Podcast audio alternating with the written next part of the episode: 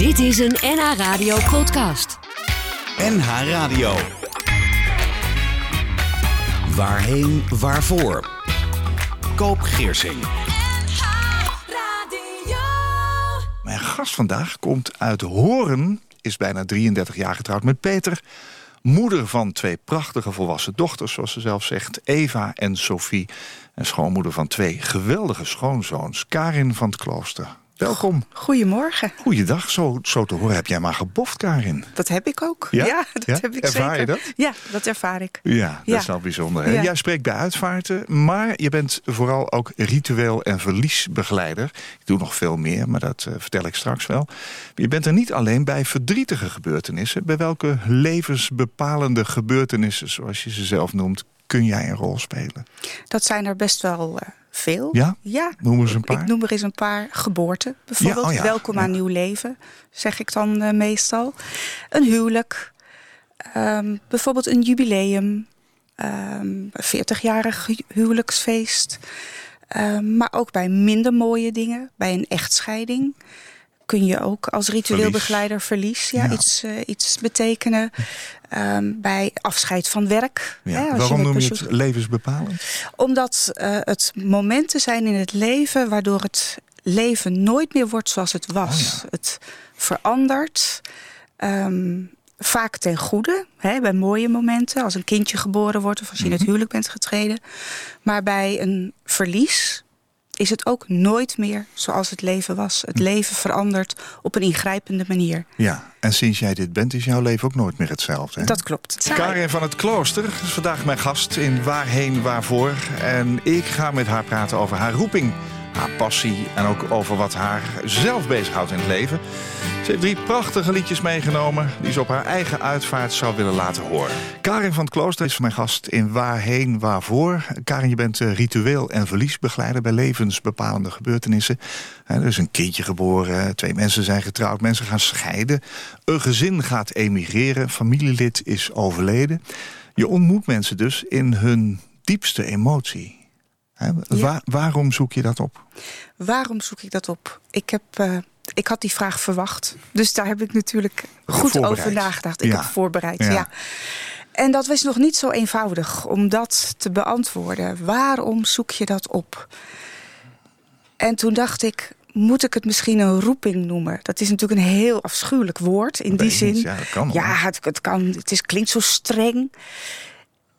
Mijn leven bestaat eigenlijk al voor zolang ik het weet uit anderen nabij zijn. Ja? Ik vind het heel fijn om iets voor een ander te kunnen betekenen.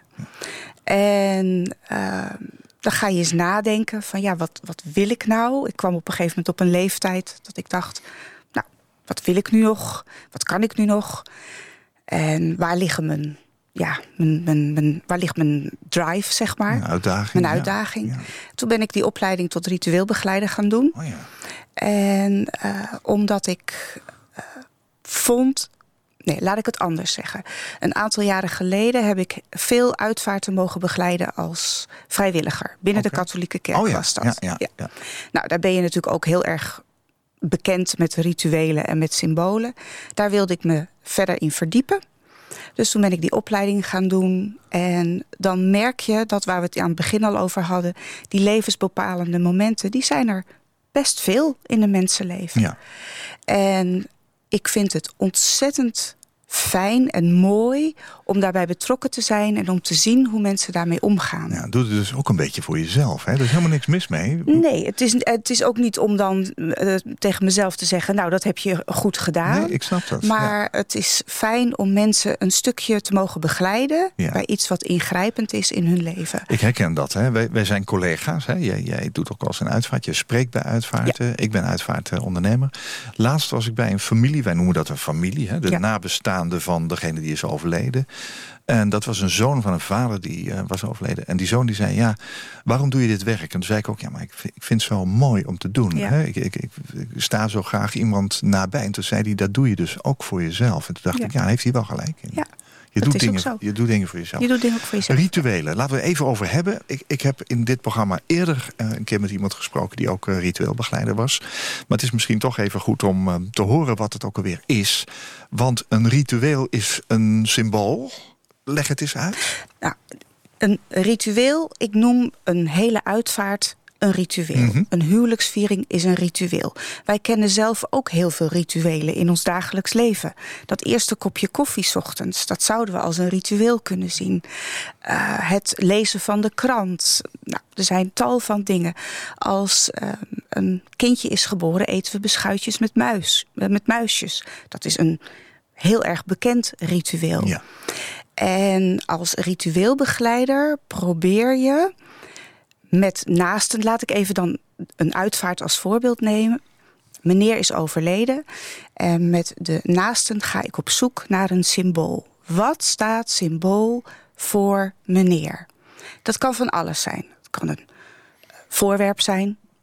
Dat kan een muziekstuk zijn. Het kan een natuurelement zijn. De Oh ja. zee of de lucht of de zon. En als we dat symbool gevonden hebben, dan ga ik dat symbool verder uitwerken. Dus uh, als ik bijvoorbeeld een roos als voorbeeld mag nemen. Uh, een roos heeft hartvormige blaadjes. hey, hoe staat dat in verhouding tot de persoon die overleden is? Een roos geurt heel erg lekker. Daar zou je iets over kunnen vertellen.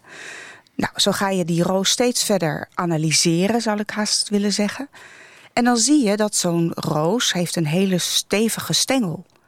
Was de persoon een stevig persoon die overleden is? Mhm. Maar er zitten ook stekels aan die roos. En die prikken. En soms prikt het leven ook. Nou, zo ga ik uh, de persoon die overleden is helemaal um, um, verwerken uh, in mijn toespraak. Uh, met de roos als uitgangspunt. En dan volgt het ritueel. Ik probeer een ritueel te maken waar die roos en die overledene centraal in staan. Oké, okay, wat zou zo'n ritueel kunnen zijn? Zo'n ritueel zou kunnen zijn dat je het boeket van het leven gaat schikken. Dus dat je een aantal rozen in een vaas schikt en uh, de rozen een soort titel geeft als de roos van de liefde, de roos van de dankbaarheid, de roos voor het harde werken. Je zou ook iets met rozenblaadjes kunnen doen, um, bijvoorbeeld in een, in een hart um, uitstrooien, of op de kist leggen, of in het graf. Er zijn tal van mogelijkheden om dan die roos te koppelen aan uh, degene die overleden is. En dat is prachtig om te doen. Ja. Want iedere situatie is anders, ieder persoon is uniek. Ja. En daar ligt ook de uitdaging. Op die manier probeer je met dat symbool, dat ritueel, probeer je die persoon te duiden. Ja. Tijdens een toespraak. Ja. Of, ja. En ik zeg altijd te herkennen en te erkennen. Oké. Okay. Dat is essentieel in wat ik doe. Ja. Zodat iedereen die aanwezig is ook zegt... ja, zo was hij. Of dat was hij. Dat ja. was zij, ja, ten voeten uit. Begint het al eerder in het, in het proces na het overlijden? Of doe je dat pas tijdens de uitvaart? Nee, ik, uh, als ik een melding krijg, hè, zoals we Ja. dat dan noemen in ons vak. Ja. Worden gebeld, er is iemand worden gebeld, overleden. iemand overleden. Karin, wil jij eh, eh, de woorddienst verzorgen? Of de plechtigheid in het crematorium, al nagelang de situatie. Dan ga ik naar de familie. En ik zeg ook altijd, als ik kom, moet de familie hard werken. Oké. Want zonder de informatie van de familie kan ik helemaal niets beginnen. Dan wordt het een standaardpraatje. Ja. En als ik iets niet wil, is het een standaardpraatje. Nee, wie wil dat wel? Hè? Precies. Ja. Ik maak ceremonies op maat. Ja. En dus ik heb heel veel informatie nodig. Ja. Maar ik kijk ook rond in een woonkamer als ik daar ben. Ja. Wat staat daar nou? Ja, dat doe ik ook altijd. Ja. Je kijkt wat aan de muur hangt. Ja, je kijkt wat, eh, wat voor soort meubels eh, staan. Ja. Dat geeft je informatie. Ja. Zo'n ritueel als muziek, hè? eh, want dat, zei je, dat is eigenlijk ook een ritueel, hè? muziek. Ik heb jou ook gevraagd om eens even in je eigen rituele kast te kijken. Heb gevraagd of je drie liedjes mee wil nemen. Dat heb je gedaan. En eh, dat zijn e- drie bijzondere liedjes. Je zei net al even, ik kom eh, uit een katholiek nest. Ja. Eh, tenminste, dat mag je afleiden uit het feit Ja. dat je daar ook precies. werkzaam in was. Ja. Ehm, eerste liedje, heeft dat daarmee te maken? Het heeft daar wel mee te maken. maar het is ook een prachtig troostrijke tekst. Oké. vind ik zelf. En ehm, het, het, wordt, het wordt avond, het wordt donker. En bij een afscheid is het heel erg donker. Mhm. En ehm, ik moet ook zeggen, de Kingsingers zingen fantastisch. Ja. Een kippenvelplaat. Gaan we daar naar luisteren. Laten we dat doen.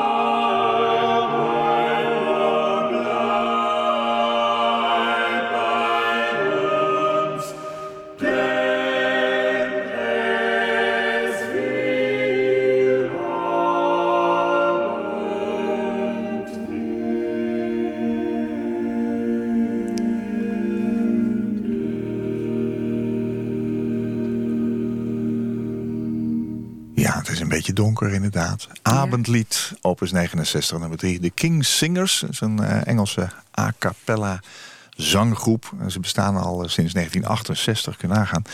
Opgericht door leden van het King's College Choir in Cambridge, dat is Engeland. Hè? Ja. Is het zweverig wat je doet? Nee, totaal niet. Maar die vraag krijg ik heel vaak. Er is zelfs aan mij de vraag gesteld: ben jij een heks? Oh, Ja. jeetje.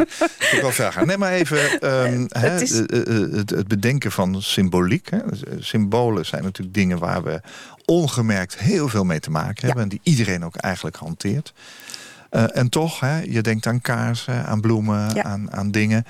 Eh, de- vraag dringt zich een beetje op. Hè, van, van, eh, kan iedereen dat niet?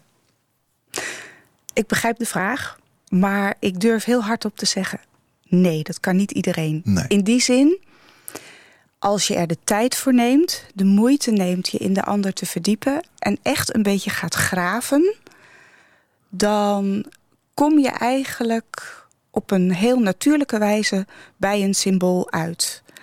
En de kunst is, zoals ik daar straks ook al zei, om een symbool te vinden wat ook echt staat voor degene waar het om gaat. Ja. Of voor de situatie waar het om zegt gaat. ook, hè, de, Ja. familie moet hard werken. Die moet met informatie komen. precies. Maar jij moet ook Precies. heel hard werken. Je moet toch zoeken naar waar zit die verbinding. Ja, en heel goed En luisteren. Ja, het achter de woorden luisteren. Ja. En, ehm, maar heel, mijn ervaring is dat het vrij, ehm, ehm, hoe zal ik dat zeggen, natuurlijk gaat. Mhm. Dat je op een gegeven moment zegt, ja, maar nou hebben we hem te pakken. Dat is hem. ja. En eh, dan ga ik dus schrijven, achter mijn laptop zitten en dan ga ik dat uitwerken. Ja. En dat doe ik eigenlijk aan de hand van, eh, van een, een viertal niveaus. Om dat symbool goed voor het voetlicht te krijgen. Ja. En ehm, dat is het cognitieve niveau. Kennisniveau. Het kennisniveau, het emotionele Ja, niveau. tuurlijk. Wat voel je erbij? Het eh, fysieke niveau, wat zie ik? En ook het spirituele niveau. Want dat is natuurlijk ook voor een groot deel waar op welk gebied ik werkzaam ben. Ja.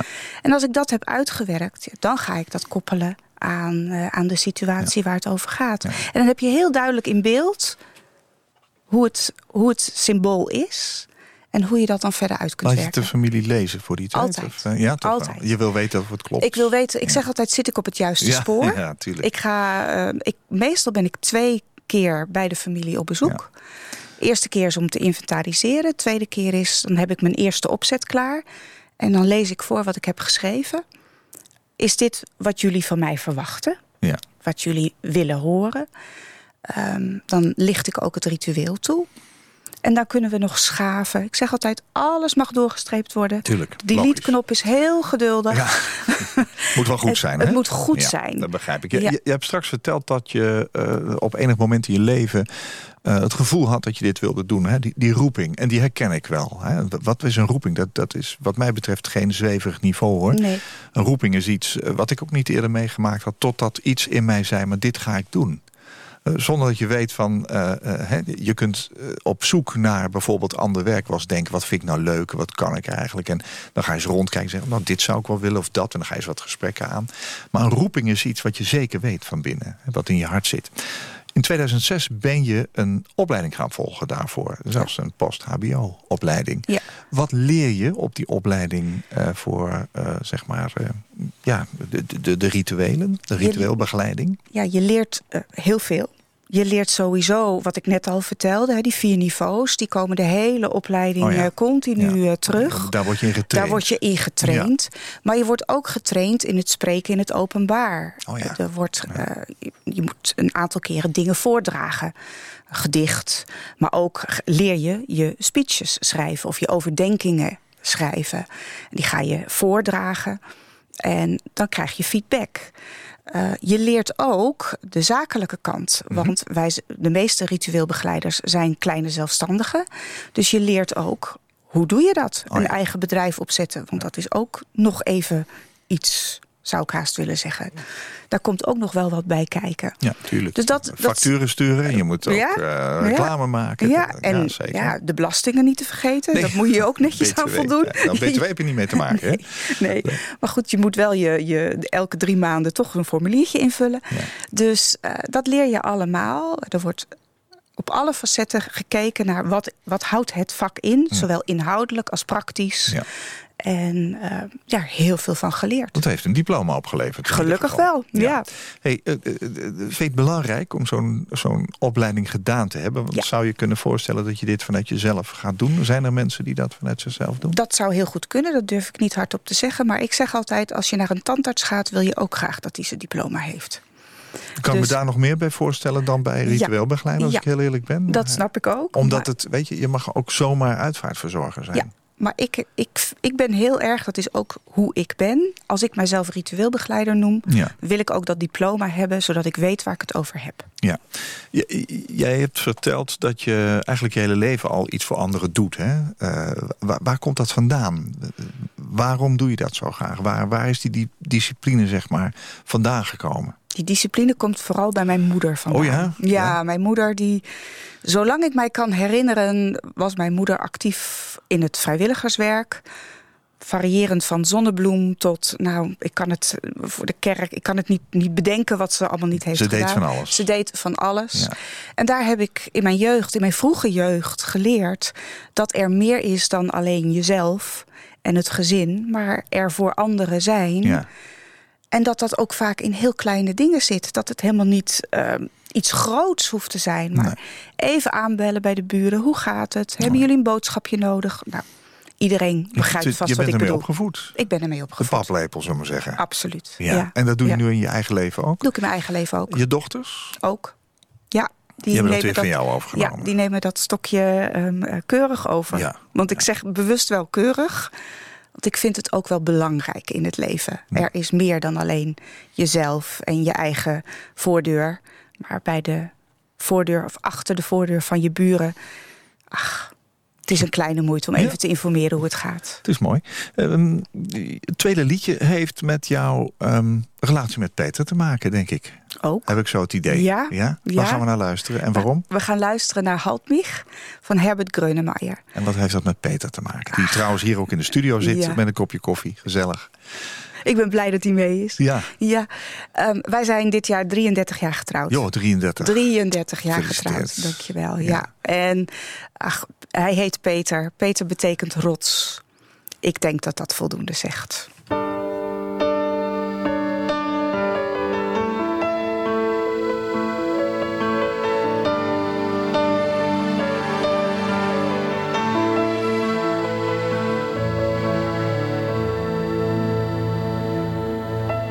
Träume für bare Münze, schwelge Fantasien.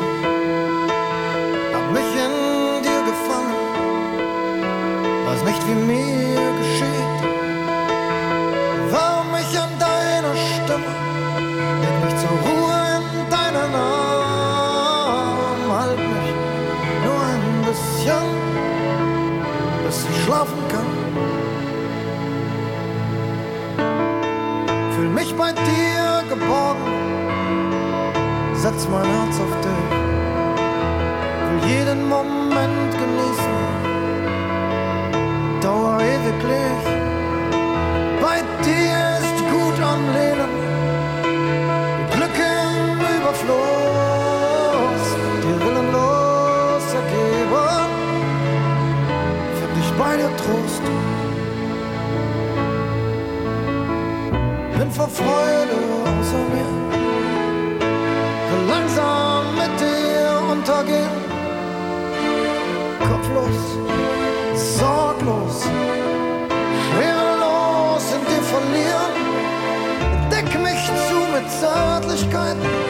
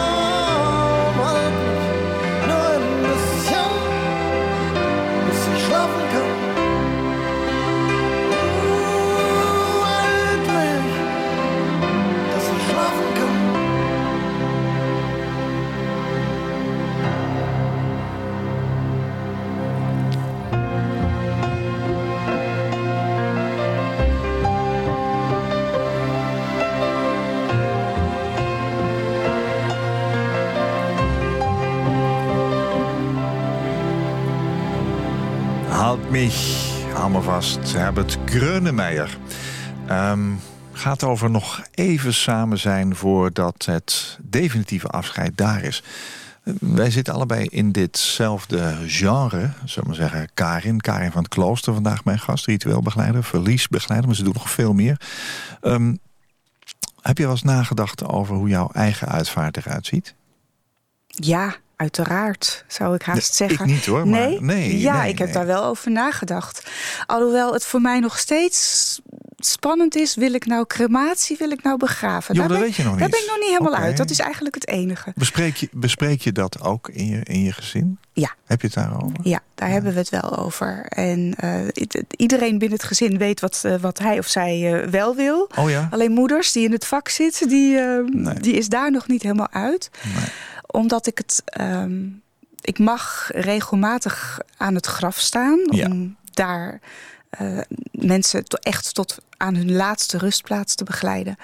En dat vind ik toch ook wel heel erg mooi. Ja. Dus daar ben ik zelf nog niet uit. Maar mijn eigen afscheid.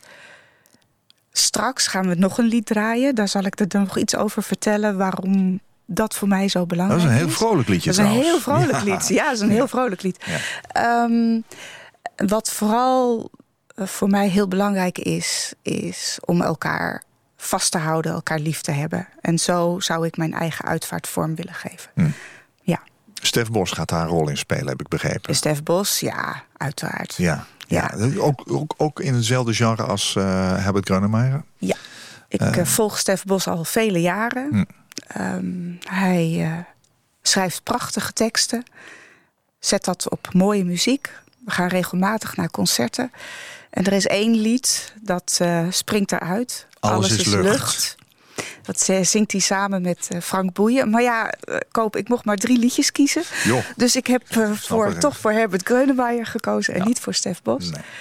En de tekst Alles is lucht heb ik enigszins herschreven toen Peter en ik 30 jaar getrouwd waren. Oh ja. En wij in een mooie ceremonie elkaar opnieuw onze liefde ehm, ja, hebben, onze liefde naar elkaar hebben uitgesproken. Oh, mooi. En toen dacht ik, nee, Dus dan doe ik nu De Herbert. symboliek en, Ja. en, en de rituelen spelen een heel belangrijke rol ook in jouw eigen leven. Ja. Ja. Heb je persoonlijk verlies gekend? Ja, ik heb persoonlijk verlies gekend. Ehm, mijn schoonouders zijn overleden. Mhm. Ehm, binnen ons eigen eh, gezin is er ook ehm, het een en ander gebeurd. En eh, ik ken ook het verlies van een baan. Oké. Dat is natuurlijk een heel ander eh, Hoe- hoe- verlies. Hoe, heb je, hoe ga je daar zelf mee om? Wat, wat gebeurt er met jou eh, in zo'n situatie? Want het, het lijkt hè, of je het voor anderen heel erg onder controle hebt. En Ja. precies weet hoe je dat moet sturen. Hoe, Ja. hoe is dat bij jezelf gegaan? Het hangt een beetje van de situatie af. Het overlijden bijvoorbeeld. Het overlijden. Dat is heel, denk ik, voor veel luisteraars herkenbaar. Eerst zit je van, hè, wat gebeurt er nu? Dit kan niet. Dit kan niet. Dit, nee, nee, dit kan niet. Ontkenning. Ontkennen. Je wordt boos. Je wordt opstandig. Ja, je bent verdrietig. De hele rouwcirkel komt De voorbij. hele rouwcirkel Ja. die komt voorbij. Maar ook bij jouzelf. Bij dus. mijzelf ook. Ja, Terwijl je daar ook ehm, weet hoe het, hoe, het, hoe het werkt. Hè? Want daar heb je natuurlijk over geleerd. Daar Ja. heb ik over geleerd. Ja. Maar ehm, niets menselijks is ook mij vreemd. Het is allemaal anders als je het echt meemaakt. Als je het hè? echt meemaakt, is het absoluut anders. En ervaar je het ook anders. En het helpt ook om je werk anders te doen. Want je voelt wat de ander voelt. Je hebt het zelf meegemaakt. Mhm. Dus ehm, dat maakt het wel voor mij ehm, soms dat ik denk, ja, ik kan me beter inleven in de situatie. Ja. Je hebt een, een baan verloren. Ik heb een baan verloren. Hoe ging ja. dat? Ik heb bewust uiteindelijk ontslag genomen. Het gaat te ver om daar nu op dit tijdstip eh, dieper op in te gaan. Maar ik heb uiteindelijk gekozen om eh, die baan vaarwel te zeggen. En dat Ja. is ook verlies. Wat deed dat met jou? Dat deed dat ik op de eerste plaats dacht ik... "Oh, er is geen inkomen meer. Oh, dat is toch ook wel heel erg spannend. Ehm, en het andere was, het is me niet gelukt. Ik dacht, Falen. Falen. Oh ja? dat was wel een, een nare constatering. Dat ik dacht, waarom is het me niet gelukt? En toen ben ik erover na gaan denken. Ik ben altijd erg van het verklaren. Ik wil graag weten waarom iets Mhm. zo is. En ik heb dat geanalyseerd en ik dacht, ja, dan kom ik weer een beetje bij wat ik altijd zeg. Het is zoals het is en het komt zoals het komt. En ik heb op dat moment een juiste beslissing genomen. Want dat heeft me wel gebracht tot waar ik nu ben. Vaak is dat met terugwerkende kracht. Ja. Hè? Ja, Als je in het proces zit, is het heel naar. heel naar. Ja, ja. Eh, Zou je iemand een tip kunnen geven die dat overkomt of die daarin zit? Zodat dat proces wat gemakkelijker verloopt, zou je kunnen zeggen. Ja, Want je ik- kunt wel zeggen, ja, het is zoals het is. Ja, dat snap ik ja, ook wel. ja want dan komt er meteen een ander cliché in mijn hoofd. Deurtje dicht, raampje Ja. open. Het zijn, Ja. het zijn clichés. Ik denk vertrouwen. Mhm. Vertrouwen in jezelf. En je mag verdrietig zijn, je mag boos zijn. Dat is allemaal goed. Mhm. En op een gegeven moment komt er toch, ook in het diepste donker, in het, de koudste kou, komt er een moment dat er een lichtpuntje is. Al is het maar een heel klein lichtpuntje, maar dat komt er. En daar kun Dat je. vertrouwen mag je hebben. dat vertrouwen je. mag je hebben. Ja, ja. En ik gebruik vaak als metafoor de vier seizoenen. Oké, het wordt Want altijd weer zomer. Het wordt altijd weer lente en Ja. het wordt altijd weer zomer. En dan kan het zomaar ineens weer hartstikke winter zijn. Ja. En toch komt die lente er weer. Als jij heel verdrietig bent, wat gebeurt er dan? Huil je? Of, of... Ik kan heel goed huilen. Oh, dat is wel ja, fijn, ik kan heel goed huilen. Ook bij, bij films. Nou, pak maar een doos tissues. Die gaan op. Oh ja. Zoek je het wel eens op? Ja, soms zoek ik het bewust op. Dan Ja. denk ik, het moet er even uit. En wat mij ook helpt, is de natuur. Ik ga fietsen, ik ga wandelen. Ik zeg wel eens, ik woon in West-Friesland, daar waait het altijd. Horen, hè? Ja, horen. Ja, One way wind zongen de Ja, Cats al. ja, precies. Even zeg ik wel eens met mijn kop in de wind. Nou, dat is en dan goeie. waait de wind het soms Ja. een beetje leger. Oké, en dan wordt het weer vrolijk. En dat is een mooi bruggetje naar de muziek. Je, je hebt er al even naar verwezen. Ja, Waarom gaan we luisteren naar wat we gaan horen zo dadelijk? Ja, waarom gaan we daar maar naar luisteren? Het is mijn lijflied. Het is een heel vrolijk lied. En ehm, het gaat erover leef vanuit je hart. En dat is hoe ik leef. Het is Shiny Happy People R.E.M.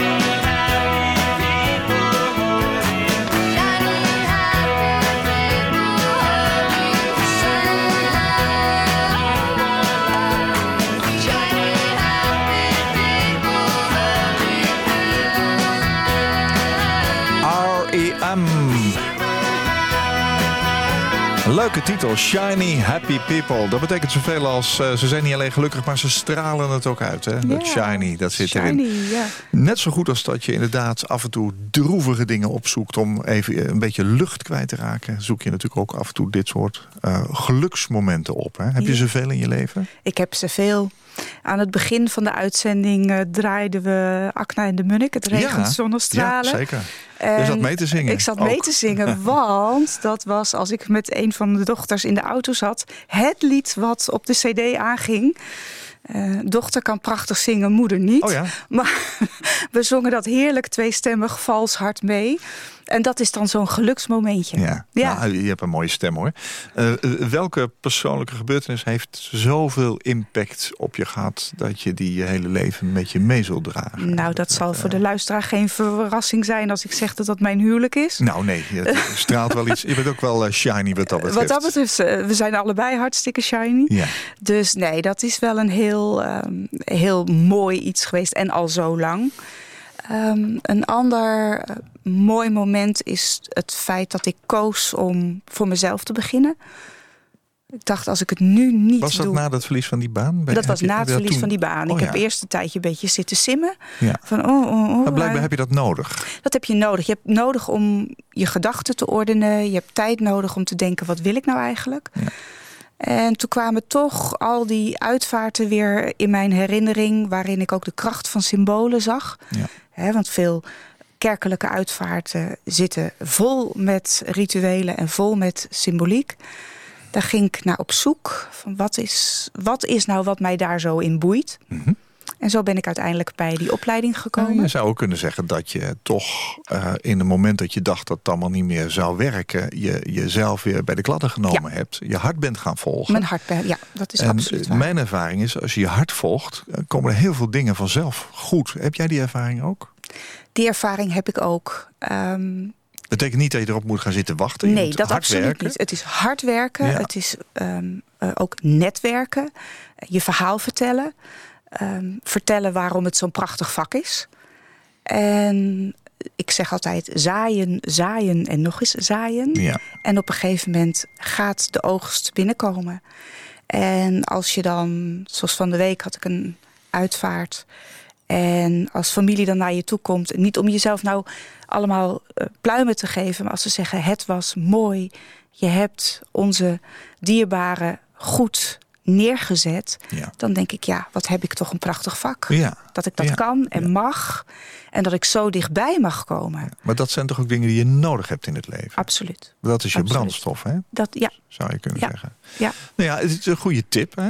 Er zijn natuurlijk eh, veel mensen die op dit moment ook eh, in een situatie zitten. Ze denken, ik kom hier niet uit of het, Nee. het is slecht. En het is toch goed om op een gegeven moment diep in jezelf te kijken. Van, maar wacht eens even. Ja.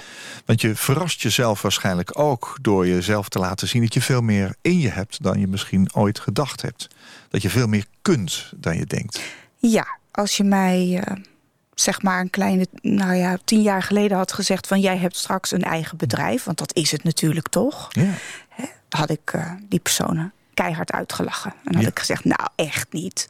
Maar het is wel gelukt. Dus durf, waar we het er straks al over hadden, durf te vertrouwen.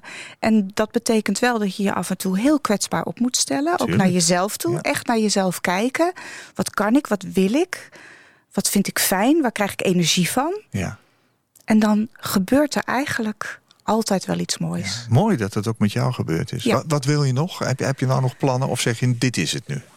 Nou, ik hoop natuurlijk nog heel lang dit mooie vak te mogen Ja. eh, volhouden. Dat mogen duidelijk zijn.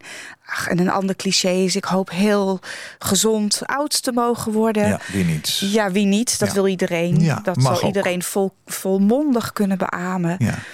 Ehm, ja, en ik ben een gelukkig mens. Ik ben een gezegend mens. Ja. En dat geeft me heel veel energie. Ze zeggen wel eens, iedere dag vijf dingen noemen waar je dankbaar voor kunt zijn. Ja. Dat geeft je heel veel energie. Ja. Je hebt het verteld. Karin van het Klooster, dank dat je jouw passie, je verhalen over rituelen, geluk en verlies ook, dus leven en dood wilde delen met de luisteraar van waarheen, waarvoor. Dank je wel voor je komst. Graag gedaan. Dank je wel Peter. dat ik hier mocht zijn. Ja. Met alle liefde ontvangen. Dank en je. ik eh, wens je alle goeds. Terug naar horen nu. Koop Geersing. Als jij een keer te gast wilt zijn in Waarheen Waarvoor... om te vertellen over jouw levensreis, laat me dat dan weten... via waarheenwaarvoor.nhradio.nl waarheenwaarvoor.nhradio.nl Dit was een NH Radio podcast. Voor meer, ga naar nhradio.nl. Radio.